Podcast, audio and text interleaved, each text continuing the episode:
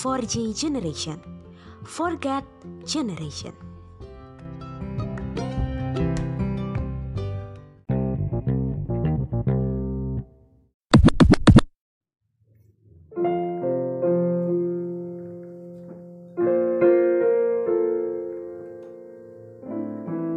Shalom teman-teman Puji Tuhan pada sore hari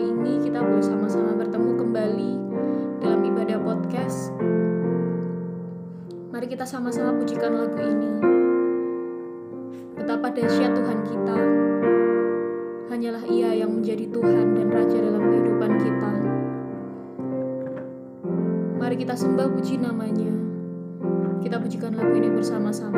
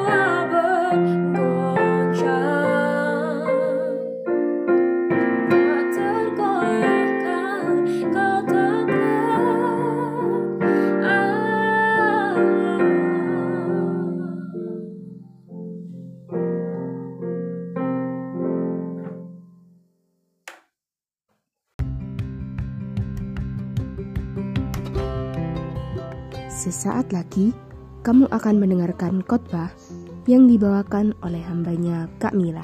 Selamat mendengarkan.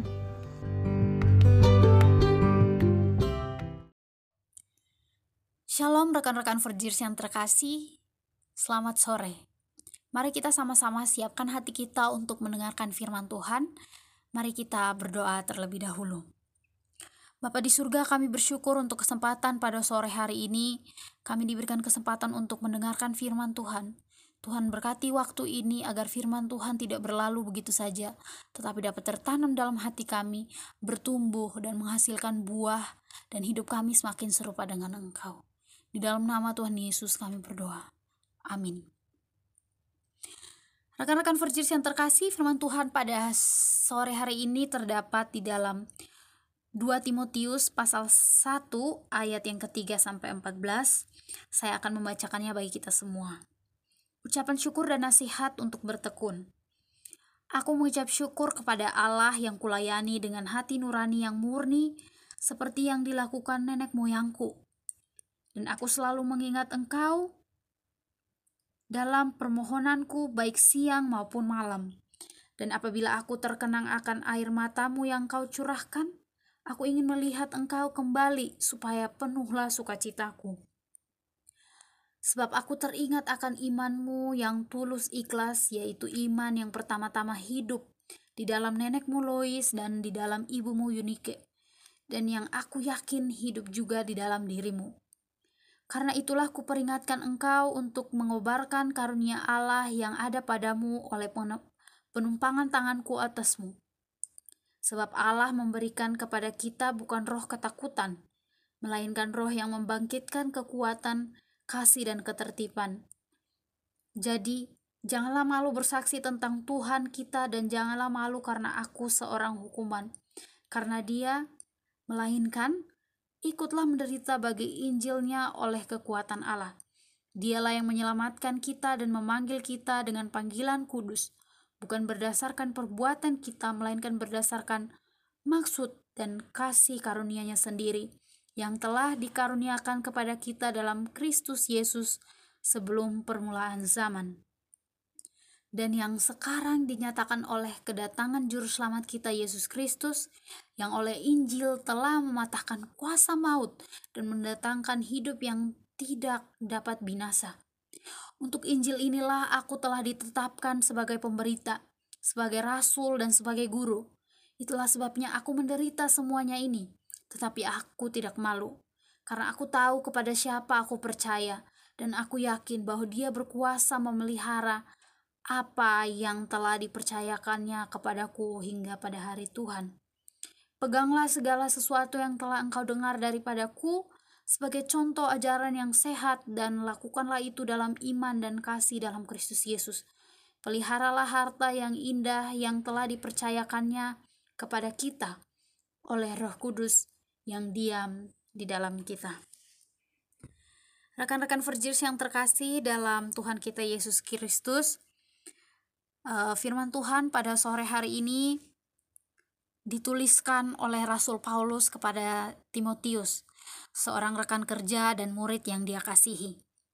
Ketika menuliskan surat ini, Rasul Paulus sedang berada di dalam penjara dan dia meminta Timotius untuk menemuinya dia di, menemui dia di penjara. Karena kondisi Rasul Paulus pada saat itu tidak memungkinkan lagi. Timotius yang menerima surat ini sedang berada di Efesus. Dia melayani di Efesus. Timotius dipercayakan oleh Rasul Paulus untuk melayani di Efesus karena Paulus pada waktu itu meminta Timotius untuk mengingatkan jemaat Efesus yang pada saat itu sedang menerima ajaran sesat dari beberapa orang pemimpin yang mengajarkan tentang dongeng dan silsilah-silsilah yang hanya menghasilkan persoalan-persoalan dan bukan bagaimana harus mengatur hidup mereka dengan tertib. Ajaran sesat yang ada di Efesus itu sendiri datang dari guru-guru palsu yang mengajarkan tentang gaya hidup bertapa, yaitu tidak boleh menikah dan lain-lain. Ajaran lain adalah ajaran yang lain adalah mengajarkan tentang makanan, seks yang sebenarnya tidak sesuai dengan ajaran Rasul Paulus ataupun ajaran Yesus Kristus. Ajaran-ajaran ini membawa jemaat di Efesus terpecah karena perdebatan-perdebatan yang datang dari guru-guru palsu ini. Itulah sebabnya mengapa Paulus mendesak Timotius untuk berada di Efesus untuk mengajarkan dan menegur orang-orang yang membawa ajaran sesat ini. Timotius berada dalam keadaan yang sukar. Bahkan Paulus sendiri yang adalah bapak rohaninya sedang berada di dalam penjara. Hal ini tidak menutup, menutup kemungkinan bahwa Timotius akhirnya takut, galau, dan merasa sulit menjalani panggilan sebagai pemberita Injil.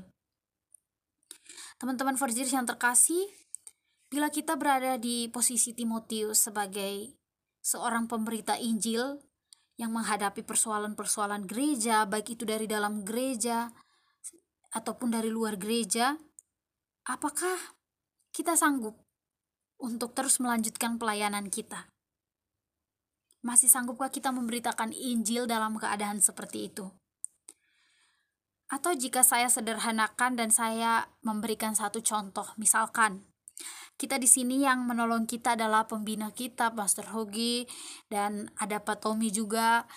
Kita di sini uh, ada orang-orang yang menolong kita untuk bertumbuh bersama di dalam pengenalan akan Kristus.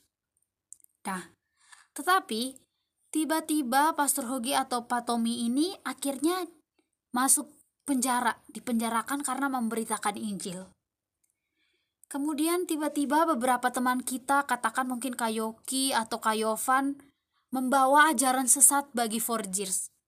Mereka tidak percaya lagi kepada Kristus, mereka menciptakan ajaran yang baru.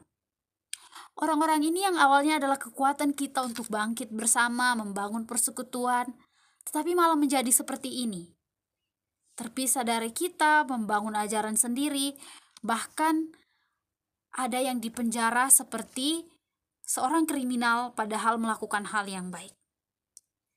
Dengan keadaan seperti ini, apakah kita akan terus melakukan pelayanan kita? Apakah kita akan terus bersekutu? Kita tidak takut ditangkap, kita tetap menjalankan panggilan kita sebagai anak-anak Tuhan yang rajin ikut ibadah, yang rajin pelayanan.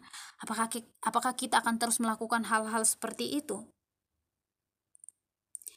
Rekan-rekan yang terkasih, mungkin inilah yang dialami oleh Timotius saat-saat sedang menjadi seorang pelayan Tuhan tetapi harus menghadapi ajaran sesat dan bahkan gurunya atau bapak rohaninya saja sedang berada di penjara. Paulus, si penulis surat ini ketika mengetahui keadaan Timotius yang di mana sedang galau, takut dalam pelayanannya, sebagai bapak yang baik dia menasehati anak didiknya. Paulus memberikan nasihat kepada Timotius agar dia harus hidup melayani dengan berani, dengan sukacita, melayani dengan gairah yang semangat, memberitakan Injil apa pun keadaannya, karena Allah yang akan menyertai dia selalu. Bagaimana caranya agar Timotius dapat menjalankan panggilannya dengan kuat dan berani? Dari bacaan yang kita baca hari ini, setidaknya ada dua hal yang ingin saya bagikan kepada kita. Dari nasihat-nasihat yang Paulus berikan kepada Timotius. Paulus menasihatkan yang pertama kepada Timotius untuk mengobarkan karunia Allah. Setiap orang menerima karunia dari Allah, Karunia yang kita dapatkan, kita perlu menjaganya, mengembangkannya agar karunia itu terus berkobar dalam diri kita. Timotius mungkin menjadi lengah karena situasi. Dia takut menghadapi keadaan yang sulit ketika melayani. Sehingga Paulus kembali mengingatkan dia tentang karunia Allah yang telah diberikan kepadanya. Karunia itu bisa merosot karena berbagai ketakutan yang memperbudak kita. Oleh karena itu ketika Paulus mengingatkan Timotius, dia katakan bahwa Allah tidak pernah memberikan kita roh ketakutan. Yang Allah berikan adalah roh yang membangkitkan kekuatan, kasih dan ketertiban. Oleh karena itu dengan kekuatan itu Timotius akan mempunyai kekuatan untuk membangkitkan karunia-Nya sehingga dia dapat menghadapi kesulitan-kesulitan yang ada. Yang kedua, Paulus menasihatkan Timotius agar tidak malu dalam menghadapi penderitaan Injil. Keadaan Efesus yang demikian kacaunya ada ajaran sesat dan lain-lain ditambah lagi Paulus yang ada di penjara sebagai orang seorang pemberita Injil tapi terlihat seperti seorang kriminal. membuat Timotius mungkin mulai merasa malu, takut sebagai seorang pemberita Injil. Tetapi dalam ayat 8 sampai 10 Paulus mengatakan bahwa jangan malu karena Injil. Kamu tahu kenapa? Karena Injillah perkara-perkara Allah yang besar dinyatakan. Karena Injillah kita diselamatkan dari hukuman dosa. Karena Injillah anugerah yang cuma-cuma itu kita terima. Karena Injillah kita dibebaskan dari maut. Oleh karena itu Paulus bilang, jangan malu karena Injil, tetap semangat memberitakan Injil. Bahkan Paulus sendiri memberikan contoh di dalam ayat yang ke-11 sampai 12. Paulus katakan, Aku tidak malu karena aku tahu kepada siapa aku percaya. Sehingga kalau aku menderita pun it's okay. Tuhan yang akan memampukan aku. Menderita karena Injil bukan hal yang tabu atau hal yang memalukan kita, tapi menderita karena Injil itu baik karena Kristus sendiri telah berkorban untuk kita terlebih dahulu. Akhir dari semua yang Paulus jelaskan, Paulus nasihatkan kepada Timotius adalah satu kunci yang Paulus berikan kepada dia. Sebagai pemberita Injil yang berani dan setia, Timotius harus tahu bahwa ada Roh Kudus yang diam di dalam diri setiap orang. Roh Kudus itulah yang memampukan Timotius untuk melewati semuanya ini. Roh Kudus yang diutus oleh Yesus, yang dijanjikan oleh Yesus, Roh Kudus sebagai penghibur dan juga penolong, dia yang akan menolong Timotius untuk menghadapi kesulitan-kesulitan di dalam pelayanannya. Oleh karena itu, kesulitan-kesulitan yang ada, rasa malu yang ada, harusnya itu tidak menjadi satu penghalang bagi kita untuk melayani Tuhan. Bukan menjadi satu penghalang bagi Timotius untuk terus memberitakan Injil. Karena baik dia menderita pun, baik dia dalam keadaan sehat pun, Roh Kudus akan tetap ada. Roh Kudus tak akan pernah meninggalkan Timotius. Rekan-rekan Vergis yang terkasih, ketika Paulus menasihati Timotius untuk setiap tetap setia, berani dan jangan takut sebagai pemberita Injil. Firman Tuhan ini juga menguatkan kita pada sore hari ini. Pemberita Injil bukan hanya Paulus, bukan hanya Timotius, bukan hanya pendeta, bukan hanya misionaris, tetapi setiap orang percaya memiliki tanggung jawab untuk memberitakan Injil. Itu berarti saya dan semua teman-teman rekan-rekan Vergir punya tanggung jawab yang sama sebagai seorang yang wajib memberitakan Injil. Tetapi jika ada kesulitan-kesulitan yang akan kita alami ke depannya, apakah kita sanggup Misalkan contoh keadaan gereja seperti yang tadi sudah saya katakan di awal, para pemimpin kita dipenjarakan, beberapa teman kita mengajarkan ajaran sesat. Apakah kita punya semangat untuk terus-menerus melayani Tuhan? Teman-teman yang terkasih, memang bukan hal yang mudah melihat Paulus yang dipenjara, Timotius yang takut, khawatir, bahkan malu. Adanya pemberontakan-pemberontak di gereja sendiri, gurunya dipenjarakan. Tetapi apakah kisah akhir dari seorang Timotius? Apakah dia menyerah? Apakah kesulitan-kesulitan itu, cerita-cerita itu cukup sampai di situ? Saya pikir tidak demikian. Jika demikian mungkin sangatlah sia-sia Rasul Paulus memberi, memberikan nasihat ini kepada Timotius. Tetapi yang kita lihat adalah Timotius mendengarkan dan dia melihat bahwa kekuatan itu bukan berasal dari diri dia sendiri. Kekuatan itu berasal dari Allah di dalam Roh Kudus yang diberikan kepada setiap kita. Pertanyaannya bagi kita hari ini, apakah kita bisa melakukannya? Apakah kita akan berani menghadapi kesulitan saat memberitakan Injil? Rekan-rekan Forgers yang terkasih, ketika saya menyebutkan pemberita Injil bukan berarti kita semua harus pergi ke daerah terpencil untuk memberitakan Injil. Kita semua harus pergi ke sekolah teologi untuk memberitakan Injil. Memberitakan Injil adalah tanggung jawab kita semua dan itu bisa mulai dari sekeliling kita yang paling terdekat. Dari rumah kita sendiri. Belum tentu orang-orang yang dekat dengan kita mengaku Kristen telah menerima Yesus sebagai Tuhan dan Juru Selamat. Belum tentu mereka yang menyebut diri mereka Kristen adalah orang-orang suci, orang-orang yang tidak pernah jatuh di dalam dosa. Tugas kita adalah memberitakan Injil kepada mereka. Bukan hal yang mudah, bukan. Ketika kita melihat teman kita menyontek, lalu kita menegurnya dan kita bilang, gak baik menyontek itu, dan dia pasti akan membalas, Allah, kamu ya, sok suci, orang aku cuma nyontek bentar doang nyontek sedikit doang. Lagian kan ini cuma ulangan harian bukan ujian nasional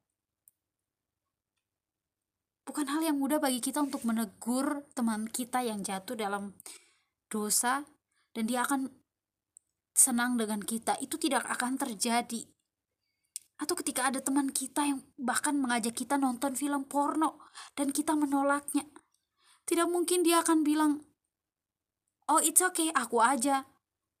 Yang ada dia akan bilang bahwa, kamu juga sok suci. Dia pasti akan merasa kita adalah orang aneh yang tidak bersama-sama dengan dia, yang tidak ikut gayanya, dan akhirnya dia mengeluarkan kita dari gengnya, terus kita dikucilkan, kita tidak dihargai karena kita berbeda dari mereka. Teman-teman, itulah kesulitan-kesulitan yang akan kita hadapi di dalam memberitakan Injil di masa sekarang. Apakah kita takut? Sampai di sini melihat kesulitan-kesulitan ini, apakah kita menyerah? Teman-teman yang terkasih, kita akan bisa melewatinya karena Roh Kudus ada di dalam diri kita. Seperti nasihat yang Paulus berikan kepada Timotius. Bangkitkan karunia yang ada padamu. Setiap kita memiliki karunia. Karunia itu harusnya kita pergunakan dengan baik. Karunia itu harus kita pakai untuk memberitakan Injil. Karena karunia itu kita memiliki kekuatan. Kekuatan dari Tuhan, kekuatan dari Roh Kudus. Sehingga kita dimampukan melewati semua kesulitan yang ada dan firman Tuhan tersebar luas, makin banyak orang mencintai Tuhan, makin banyak orang mengenal Yesus Kristus. Dan segala kemuliaan hanya untuk Tuhan. Kiranya Roh Kudus yang menolong Paulus dan Timotius adalah Roh Kudus yang memampukan kita memahami firman Tuhan pada sore hari ini. Dan Roh Kudus yang akan memampukan kita menjalani panggilan hidup kita sebagai pemberita Injil dengan berani dan setia sampai kepada kedatangannya yang kedua kalinya. Mari kita berdoa. Bapa di surga kami bersyukur untuk firman Tuhan yang meneguhkan kami sebagai anak-anakmu yang percaya. Kami memiliki tanggung jawab untuk memberitakan Injil kepada orang-orang yang belum mengenal Engkau. Kami tahu ini bukan hal yang mudah, tapi sore hari ini kami diingatkan bahwa Roh Kudus akan tetap bersama kami. Roh Kudus yang akan memampukan kami untuk melewati setiap kesulitan yang ada, sehingga nama Tuhan akan tersebar luas sampai ke segala tempat, dan nama Tuhan akan dimuliakan. Makin banyak orang mengenal Yesus Kristus. Biarlah kami terus menyadari hidup kami adalah pemberita Injil, dan Tuhan yang akan memampukan kami melewati semuanya. Dalam nama Tuhan Yesus kami berdoa. Amin.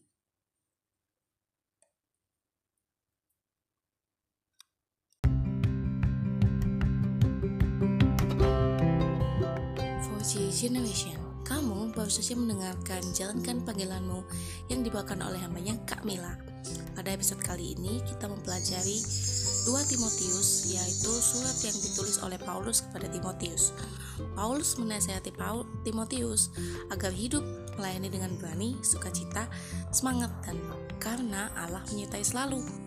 Paulus juga mengingatkan untuk mengobarkan karunia Allah dan tidak malu dalam memberitakan Injil kecil kita menerima kasih karunia dan kita mengenal siapa yang kita sembah.